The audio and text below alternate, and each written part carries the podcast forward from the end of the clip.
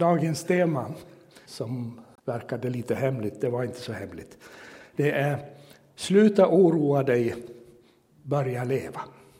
Sluta oroa dig, börja leva. Och eh, jag måste erkänna, det är inte jag heller som har uppfunnit rubriken. Den har jag stulit från en bok. Det är en betakurs som följer på alfakurserna. Men att det här temat har jag brukat återkomma till alltid nu och då därför att jag behöver det. Jag är en sån människa. Jag oroar mig jättemycket. Det kan förstöra liksom min förmåga att eh, handla vettigt och göra vettiga saker. Och kanske det är någon här som delar det problemet med mig. I alla fall så har jag känt att idag är det dags att ta upp det en gång till. Jag har säkert predikat lite i den stilen tidigare. Men idag så är det det som jag tror att Herren vill säga till oss. Sluta oroa dig, börja leva. Och det här som jag ska läsa det kommer från Jesu egen undervisning i bergspredikan. Eh, Jesus han beskriver ju där i flera avsnitt den livsstil som han eh, på något vis förväntar sig ska finnas i, i hans lärjungar. Det handlar om himmelriket, hur man lever ut himmelriket, hur man är ljus och salt i världen och så vidare. Och där finns eh, material för väldigt många predikningar i det talet som han höll för sina lärjungar medan folket lyssnade. Och det är ju så här, vi blir frälsta genom att ta emot Jesus utan att prestera någonting. Vi tar emot Guds oförtjänta nåd och kommer till tro på honom. Och när vi har tagit emot Jesus som vår frälsare så får vi anden till hjälp och så börjar det hända saker i våra liv. Och det inleds alltså en process kan vi säga som Jesus också beskriver i bergspredikan. Det är liksom det här som börjar hända, det som han säger att vi ska göra i, i bergspredikan. Och det är inte liksom vår egen kraft utan det är anden som vi får som hjälper oss. Och Jesus han sätter ju ribban väldigt högt när det gäller etik och moral. När han sammanfattar det han undervisar om i den här predikan så säger han var alltså fullkomliga som er himmelske far är fullkomlig. Det säger han i Matteus 5.48. Var fullkomliga som er himmelske far är fullkomlig. Och när man läser den meningen så förstår man ju att det här kommer jag inte klara av. Det här är ingenting som jag ska göra. Jag, jag, jag, jag kan inte det. Men det är där som Anden kommer vår svaghet till hjälp. Det är genom Herrens hjälp som vi får ta steg i den riktningen. För jag tror att det är en process som pågår hela livet. Och i, i den här predikan som Jesus höll så ville han visa ändå hur vi kan gå tillväga för att förverkliga hans mål med oss. Och när man börjar titta så får man ju på köpet ett liv som är värt att leva. Ett verkligt liv som är värt att leva. Så nu ska jag gå in på texten som han, där han undervisar om att inte oroa sig eller bekymra sig om det materiella. Vi läser ifrån Matteus 6, vers 24 till 34. Tio verser kommer jag att läsa. Ingen kan tjäna två herrar. Antingen kommer han att hata den ene och älska den andra eller hålla fast vid den ene och förakta den andra. Ni kan inte tjäna både Gud och mammon. Därför säger jag er, bekymra er inte för ert liv, vad ni ska äta eller dricka, eller för er kropp, vad ni ska klä er med. Är inte livet mer än maten och kroppen mer än kläderna? Se på himlens fåglar. De sår inte, de skördar inte och samlar inte i lador och ändå föder er himmelske far dem. Är ni inte värda mycket mer än det? Vem av er kan med sitt bekymmer lägga en enda arn till sin livslängd? Och varför bekymrar ni er för kläder? Se på ängens liljor hur de växer. De arbetar inte och spinner inte. Men jag säger er, inte ens Salomo i all sin prakt var klädd som en av dem.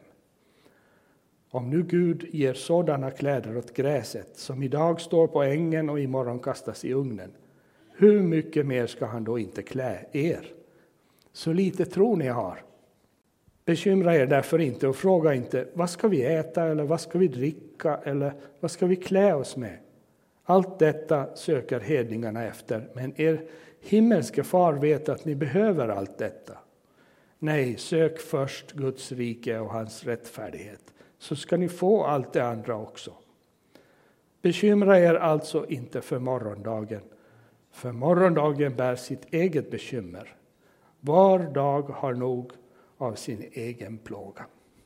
Och det är bra, när man läser sådana här längre texter så är det bra att se hur de är liksom upplagda eller ihopsatta.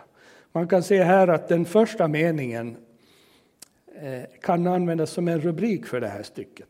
Det står Ingen kan tjäna två herrar.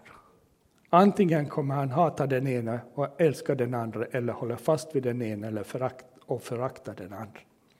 Alltså, man måste välja vem man tjänar. Ska vi tjäna Gud eller ska vi tjäna mammon, som han beskriver här? Ska vi ägna oss Gud, åt Gud eller, och hans principer eller åt det materiella med alla dess bekymmer? Är det där, liksom, vilken del ska vi fokusera på? För bekymren som vi har om det materiella, de beror oftast på någonting djupare. Det är en djupare oro i själen, någonting som inte är bra. Det är det som gör att vi bekymrar oss för de materiella sakerna. Jag säger inte att det inte kan finnas yttre orsaker, men att det finns en oro över det materiella som vi inte behöver dras med som Guds barn. Det är så att Mammon var rikedomens gud i Kartago i Nordafrika. Eh, materiell rikedom det är ju bra att ha, men om vi inte ser upp så blir den väldigt lätt en avgud för oss. Den intar en plats i våra liv som bara Gud ska ha. Det är Gud som garanterar att vi får vad vi behöver, inte mammon eller våra egna ansträngningar eller någonting annat. Det är Gud som garanterar att vi får det vi behöver i våra liv. Och vad menar då Jesus med att vi inte ska bekymra oss? Jo, det är ju så att när det materiella får ta Guds plats i våra liv så då tappar vi fokus, vårt fokus på den kärleksfulla guden som är vår enda trygghet egentligen. För allt annat som vi lutar oss mot kan brista eller ge efter. Jag kommer på en, en beskrivning av ordet tro. Eh, det finns något språk någonstans som en missionär skulle översätta Bibeln till. Och det fanns inget ord för tro. Men eh, så kom de på att det finns någonting som heter att luta sig med hela sin tyngd mot någonting. Det ordet använde de när de skulle skriva det som står tro i Bibeln. Att luta sig med hela sin vikt eller hela sin tyngd mot någonting. Och jag tror att det ligger mycket i det där. Att tro är att lita på Gud med hela sin tyngd så att säga. Nå, det var en parentes. Eh, det grekiska ord som översätts bekymra er inte betyder ungefär hemfall inte åt oroliga tankar. Hemfall inte åt oroliga tankar. Så att eh, när det här är översatt, bekymra er inte, så kanske det är lite missvisande i den meningen att, att eh, det kan antyda att vi inte ska bry oss om saker. Jag vet inte hur det låter på den, i den finska översättningen, men i min svenska bibel så står det bekymra er inte. Och då tänker man sig sådär att man är en sån där som inte bryr sig om någonting. Liksom allting bara, ja, man har egentligen ingen kontakt med verkligheten utan man flyter på bara. Men så, så är det inte betydelsen i det där ordet. Utan det, man kan mera säga att det betyder oroa er inte. Eller liksom, det kanske är i dagens svenska vore bättre. Oroa er inte. Eller ta inte stress över det här, brukar man säga här i, i de här trakterna. I sinta stress. Ja, det är också lite farligt, för det kan innebära att man inte heller bryr sig. Men oroa sig ska vi inte göra. Det är i alla fall ett som är säkert. Vi ska inte hemfalla åt oroliga tankar. Och kanske vi kan förstå det bäst om vi studerar vad det som Jesus säger inte betyder. Han menar inte att vi ska sluta tänka på framtiden. Ordspråksboken framhåller vikten av att planera. Det är faktiskt ett bra sätt att undvika stress, att planera. Så det är inte det som menas med det här. Och vi har snart nu ett, ett seminarium här i kyrkan om hur man ska planera sin ekonomi. Och det rekommenderar jag varmt, för jag tror att man ska planera sin ekonomi. Då undviker man stress. Eller hur? Eller oro som det talas om här. Eh, och eh, Jesu uppmaning är inte heller en ursäkt, ursäkt för att vara lat. Liksom bara vänta att allting ska komma flygande. Nej, himlens fåglar som han pratar om, de är sannerligen inte lata. Jag har sett på talgoxarna när de flyger fram och tillbaka och ger mat åt sina ungar. De håller ju på på sommaren från det att solen går upp klockan fyra så håller de på ända till nio, tio på kvällen och flyger där fram och tillbaka. De jobbar väl om någon. Så att det är liksom inte, finns inget samband med att strunta i att jobba och strunta i att oroa sig. Det, det är liksom inte en ursäkt för lättja. Och så menar han inte heller att vi inte ska ha ambitioner. Alltså vi ska försöka göra ett bra jobb. Paulus säger på ett ställe, arbeta så som ni arbetade för Herren och inte för människor. Så när vi sköter vårt jobb så ska vi arbeta som om vi gjorde det för Herren. Och då vill man väl gärna ge det bästa man har. Så det ambition ska vi ha och vi ska göra ett bra jobb. Men inte oroa oss. Ser ni att det finns skillnader? Och vi ska inte heller strunta i våra förpliktelser. Det står faktiskt att vi ska avlägga räkenskap inför Gud en dag för det som vi har blivit anförtrodda. När du har fått ett uppdrag, när du har lovat att göra någonting, så, så är det inte bara att sätta sig ner. Ja, jag oroar mig inte, liksom, och så sitter man i soffan eh, och, och, så blir det inte gjort det som ska göras. Nej, vi ska göra våra förpliktelser, det vi har åtagit oss och det vi har fått i uppgift. Men vi ska inte oroa oss.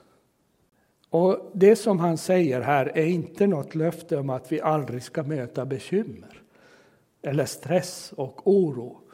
Det kommer ju på oss hela tiden allt möjligt som försöker jaga upp oss och, och, och få oss att vara oroliga. Vi kommer möta allt det där fortfarande. Och det kommer hända saker som är svåra. Det, så, så länge vi är här på jorden så kommer vi få vara med om svåra upplevelser och saker som, som kan ge oss ångest på det sättet att det kommer saker utifrån. Men mitt i det här så, så det finns en point ändå med det här att vi får lita på att den allsmäktiga är med oss. Också när de yttre sakerna håller på att trycka ihop oss. För att i Johannes 16.33 så säger Jesus till sina lärjungar.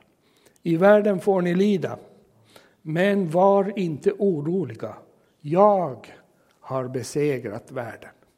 Jesus har besegrat de där omständigheterna som du har. Det är någonting att luta sig på eh, då när, när, när oron vill trycka på. Då när saker och ting händer som som gör att vi tappar kanske fotfästet och livet blir svårt. Vi ska inte oroa oss i onödan och, och, och, och liksom låta hemfalla åt oroliga tankar därför att vi har en med oss som har besegrat världen. Det är det som Jesus vill komma fram till. Om vi överlämnar vårt liv till den allsmäktige Då behöver vi inte lita på mammon, att vi ska lyckas fixa ekonomin, att vi ska lyckas liksom, vi ska arbeta väldigt bra och göra ett bra jobb, men vi ska förvänta oss det goda av Herren. Det, jag tycker om den där dikten som finns, är det Runeberg som om bonden Pavo. Av Herren, förväntad, av Herren väntade han växten, sa han alltid när han planterade. Av Herren väntade han växten. Han jobbade hårt, men han väntade växten av Herren. Det är så vi ska göra. Ja, varför ska vi inte oroa oss då? Jag menar, oroa oss. Varför säger Jesus att vi inte ska göra det? Vad är det för fel med det? Jo, han går in på det här där vi läste då i Matteus 6. Om, I vers 25 så säger han Därför säger jag er, bekymra er inte för mat och dryck att leva av eller för kläder att sätta på kroppen. Är inte livet mer än födan och kroppen mer än kläderna? När han säger därför där i början så det syftar tillbaks på att man inte kan tjäna både Gud och mammon. Det är därför vi, vi, vi inte ska oroa oss, för då missar vi helt enkelt livets mening. Livets mening är någonting mer än det yttre. Det handlar om att skatt, samla skatter i himlen, har han sagt. Jesus. Samla skatter i himlen. Så att om vi oroar oss för mycket om de här sakerna i det materiella så då är det stor risk att vi glömmer att vi ska samla skatter i himlen. Det är därför vi inte ska oroa oss. En annan orsak är att det är helt ologiskt att oroa sig. I vers 26 så säger han att eh, fåglarna helt enkelt klarar sig utan oro fast vi är mer värda än fåglarna i Guds ögon. Så om han bryr sig om fåglarna så bryr han sig om oss. Alltså är det väldigt ologiskt att oroa sig, för han bryr sig om oss. Vi ska inte tappa tron på att han bryr sig. Och så kan vi inte åstadkomma någonting genom att vara oroliga. Eh, vem kan lägga till en enda aln till sin livslängd, säger han. Och någon menar att det kan översättas till och med ett enda år av sitt liv, alltså att man kan förlänga livet genom att vara orolig för en massa saker. Oron i sig kan bara förminska våra liv och göra dem mindre och sämre att leva, om vi säger så. Därför ska vi inte oroa oss. Och sen kommer ett viktigt argument, nämligen att oron är oförenlig med tron. I vers 28 30 säger i Matteus 6 säger Jesus så här. Och varför bekymrar ni er för kläder? Se på ängens liljor hur de växer. De arbetar inte och spinner inte. Men jag säger er, inte ens Salome i all sin prakt var klädd som en av dem. Om nu Gud ger sådana kläder åt gräset på ängen som idag finns till och imorgon stoppas i ugnen, ska han då inte ha kläder åt er? Ni trosvaga, säger han. Ni trosvaga. Och här brukar jag nästan vilja sluta läsa därför att på något vis så tycker jag att Visst bekymrar jag mig om de här sakerna många gånger. Och så, på, så drar han till med ni trossvaga. Alltså är jag ju trossvag, eller hur? Och det kanske är så. Alltså det är oförenligt. På ett visst plan är det oförenligt med tron att bekymra sig om de här sakerna. Och så säger han att oro det är någonting som gudlösa hedningar ägnar sig åt. Matteus 6 och 32. Alltså, allt det här jagar ju hedningarna efter. Men vi är, vi är ju kallade till någonting helt annat. Våra prioriter, prioriteringar är helt annorlunda än hedningarnas. För hedningarna de lever bara i det här, hur ska jag få kläder på kroppen, hur ska jag få Eh, mat på bordet, hur ska jag få tak över huvudet, hur ska jag kunna ha roligt och hur ska jag få pengar till det och det och den nya Porschen och allt som jag hoppas att jag någon gång ska kunna tjäna ihop till. Det är sånt som hedningarna jagar efter. Men, men eh, nu måste det ju vara någon skillnad på oss och hedningarna när vi har, har Jesus i våra liv. Det finns en annan prioritering. Och jag återkommer till den prioriteringen. Han säger också Gör er därför inga bekymmer för morgondagen. Den får själv bära sina bekymmer. Var dag har nog av sin egen plåga. Det står i Matteus 6 och 34. Alltså, om vi koncentrerar oss på den dag som är nu, idag, en dag i taget, då har vi kanske energin att göra det vi behöver göra. Jag tror det är, därför är det väldigt förnuftigt att oroa sig så lite som möjligt. För att oron tar otroligt mycket energi. Jag har märkt det själv. Jag kan ibland ligga en timme och oroa mig i soffan istället för att klippa gräset eller någonting sånt. Även om just det råkar inte vara så svårt för mig, för jag, jag, jag får egentligen energi av att klippa gräset. Typ. Sådär om jag gör det i lagom mängder. Men liksom man kunde ha gjort något vettigare än att ligga i soffan och oroa sig och försöka tänka ut hur ska det här gå? Vilka olyckor kan drabba mig nu då, för det här har ju hänt. Och jag brukar vara en mästare i att tänka ut worst case scenario. Alltså det sämsta som kan hända när någonting litet har börjat hända. Det slår mig, jag hittade en gång något som visade sig vara en liten fettknöl på ett ställe. Och jag tänkte redan, hur ska det gå med Annika och barnen nu när jag har fått cancer? Jag menar, det var ju onödigt att oroa sig den gången. För jag gick till doktorn och sa att det där är en fettknöl och den kommer att gå bort av sig själv. Men vad mycket energi det tog. Jag, jag funderade ut alla möjliga saker. Som, om, för jag var ju säker på att det skulle visa sig vara det. Och jag oroar mig i förväg. Alltså, när man då, om man drabbas av en verklig sak, det är klart att man får oroa sig. Men, eh, nej, men då är det hemskt mycket oro, mycket energi vi har slösat på att oroa oss för saker som inte händer. Det var någon som sa, sa att jag har oroat, oroat mig för mycket och högst 10 procent av det jag har oroat mig för har hänt. Alltså, det är helt taget ur luften. Så därför är det ologiskt. Och det där är nog mera kanske allmän livsvisdom som Jesus kommer med här. Att var dag har nog av sin egen plåga. Om vi koncentrerar oss på det vi ska göra nu så får vi någonting gjort och vi, får, vi, vi lever ett sundare liv. Här vill jag flika in någonting eh, som inte finns i, i bergspredikan. Men det finns en princip som jag, vi kan säga trons princip. Och det är att lita på det som Gud har sagt. För det står att Abraham litade på Gud och det räknades honom till rättfärdighet. Han litade på Gud. Ordspråksboken som jag citerade här tidigare den har väldigt många fina vardagliga och vettiga råd som vi tar gärna och läser Ordspråksboken alltid nu och då. Där står det i tredje kapitel och femte versen och sjätte. Förtrösta på Herren av hela ditt hjärta. Förlita dig inte på ditt förstånd. Räkna med honom på alla dina vägar, så ska han jämna dina stigar. Förtrösta på Herren av hela ditt hjärta. Vem är det vi lutar oss mot med hela vår tyngd? Är det inte Herren? Och det är tro. Och så är det lite så att vi kan inte på riktigt förtrösta på Gud och på mammon samtidigt. Det var ju det första Jesus sa. Du kan inte tjäna två herrar.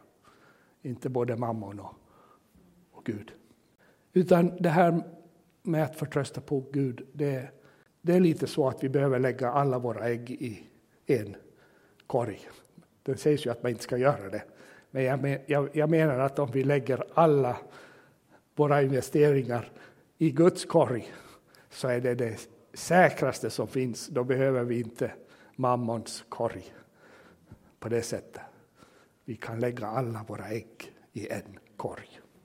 Och det finns exempel på från Gamla testamentet. Det var en kung Asa, han, han gick i krig och så förhandlade han med var krig mot, han var i Juda och det var krig mot Israel. Och så han förhandlade med arameerna för att de gjorde någon sån här eh, plan.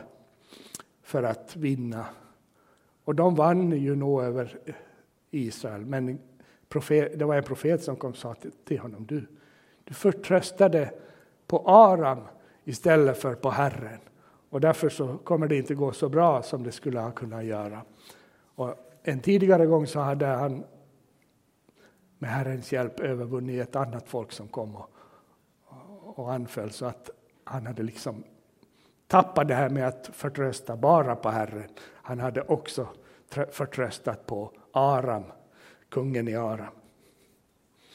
Och så är det ofta i våra liv att, att vi frestas att jo, vi ber till Gud och så, men egentligen är det nog bankkontot eller aktierna vi tänker på när vi tänker på att vi ska klara av att göra det eller det i framtiden. Men tänk om vi nog kan ha alla våra investeringar, där, men det är Herren som vi förtröstar på. Det är en stor skillnad. Och så eh, Salomon, han, han är ju vis, kung Salomo. Han skriver i Psaltaren 127 och 1-2 att om Herren inte bygger huset bygger arbetarna förgäves. Om inte Herren vaktar staden vakar väktaren förgäves. Förgäves går ni tidigt upp och sent till vila, ni som äter mödans bröd. Detsamma ger han sina vänner medan de sover. Vi är kallade att vara med i Guds byggprojekt. Inte att för säkerhets skull ta med Gud i våra projekt så att de ska gå bra. Förstår ni skillnaden? Det är han som är byggmästaren och vi är byggarna. Det är inte vi som är byggmästarna och han som är byggaren av vårt hus. Så när Guds principer får styra våra liv, det är det som är garantin för, för att vi får resultat för vår möda, för det vi gör. Och då kan vi arbeta hårt men ändå ha vila i själen. Därför att vi vet att vi går hans vägar. Vi gör det som han har lett oss in i. Och det är han som garanterar att det kommer gå igenom. Det kommer fungera. Eh, och så finns det ett varningens ord som finns i Ordspråksboken 23 och 4 till 5. Slit inte ut dig för att bli rik. Var klok nog att avstå. När du fäster blicken på rikedomen är den borta för den får vingar och flyger som örnen mot himlen. Väldigt intressant uttryckt. Så är det ju med rikedom, att det, det, den är ganska osäker. Det, det, kan hända väldigt mycket. Och fäster vi vår, våra ögon för mycket på, på, på det här, våra tillgångar och det som, så är det stor risk att det bara poff, plötsligt är borta. Så har vi liksom ingenting att fästa blicken på. Men tänk om vi har fäst blicken på Jesus. Tänk om vi strävar till att samla skatter i himlen som Jesus undervisar om. Då kan vi bli rika kanske här på jorden. Rikedomen kan försvinna. Eller vi kanske får nåden att ge bort största delen till någonting som Herren vill ha den till. Men här inne kommer vi vara trygga. Vi samlar våra skatter i himlen och en dag så kommer vi få njuta av dem. Nåja, allt det här är väldigt bra, men hur ska vi kunna sluta oroa oss? Det är jättebra att veta att det inte är förnuftigt att oroa sig. Och det, men finns det någonting som Jesus säger som kan hjälpa oss att på riktigt sluta oroa oss? Jo, det tycker jag han kommer med i där i Matteus 6 och 33. Sök först hans rike och hans rättfärdighet så ska ni få det andra också. Sök först hans rike och hans rättfärdighet. Det kan nästan stå som rubrik för hela bergspredikan. Om man börjar titta i detaljerna. För det är det det handlar om. Den onödiga oron som vi har det beror på att vi inte har prioriterat rätt. Vi kallas att söka hans rike då ska vi få det andra också. Och I tanken om Guds rike så finns det väldigt mycket underbart. Men där finns också tanken om Guds omsorg och vård om oss. Om vi läser Bibeln i dess helhet så ser vi att Guds agenda det är ju att återställa allt det som var gott i skapelsens början. När ni har tid, läs de första kapitlen i Första Moseboken. Och så går ni till de sista kapitlen i Uppenbarelseboken, så får ni se hur mycket de liknar varandra. Det är dit han vill komma. Det är en ny himmel och jord där rättfärdighet bor, där, där det som skulle hända kommer att hända. Vi uppmanas att söka hans rike. Hans rike det innefattar allt det här med återställandet av det som har gått förlorat. Men vi ska också söka hans rättfärdighet, står det. Vad kan det betyda? Söka Guds rättfärdighet. Ja, det, det, kan ha, det kanske har två sidor. Jag tror att vi ska söka hans rättfärdighet i våra liv och i våra samhällen. Vi ska, vad ska vi säga, verka för att det som Gud har sagt är det rätta och sanna, att det ska hända i vår omgivning. Det ska vi göra. Och vi själva ska inrätta våra liv efter Guds sätt att se på saker och ting. Och låta, det, låta honom vara Herre i alla sektorer av våra liv. Och mycket av bergspredikan handlar ju om hur ett liv ser ut om man låter honom vara Herre. När himmelriket kommer inom oss. Men så finns det en annan sida också. Därför att vi kommer ju inte kunna leva upp till den rättfärdigheten i vår egen kraft. Men det finns Guds rättfärdighet kan också tillräknas oss genom tron på Jesus. Vi läser Romarbrevet 4 och 24 till 25. Där säger Paulus Rättfärdighet kommer att tillräknas oss som tror på honom som uppväckte vår Herre Jesus från de döda. Han som utlämnades för våra synders skull och uppväcktes för vår rättfärd, rättfärdiggörelses skull. Alltså det där är en, en Guds rättfärdighet som vi tar emot, som vi inte presterar. Och den som Gud har gjort rättfärdig måste väl ändå kunna sova gott. Därför att hans rättfärdighet eh, regerar. Och, och, och, det finns inte så mycket att oroa sig för då. Hur ska de komma på det? Och, hur, och, vad händer om de märker det? nej, man kan sova gott. Jo, det har gått fel ibland, men jag har överlämnat det där till Herren. Jag har tagit emot hans rättfärdighet i mitt liv. Jag kan sova gott. Jag kanske behöver ordna upp saker som jag har gjort fel, okej. Okay. Men ändå, det, det, finns ett lugn som, som man inte får på något annat sätt än genom att ta emot den rättfärdighet som kommer från Gud. Och hur det, när vi söker hans rättfärdighet, kanske i de här båda bemärkelserna, så ska vi få det andra också, står det. Matteus 6 och 23. Bara genom att söka Guds rike och hans rättfärdighet så kan vi släppa vår oro, den onödiga, obefogade oron och börja leva ett liv som är värt att leva. För det är ett liv som är värt att leva, att eh, söka hans rättfärdighet och leva för hans rike. Det finns ingen större och det, det, det gör livet till det som det var tänkt att vara.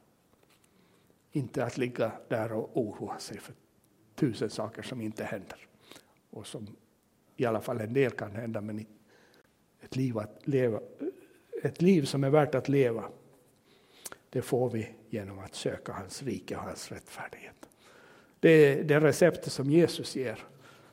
Och det tycker jag vi ska ta till oss, vi som är här idag.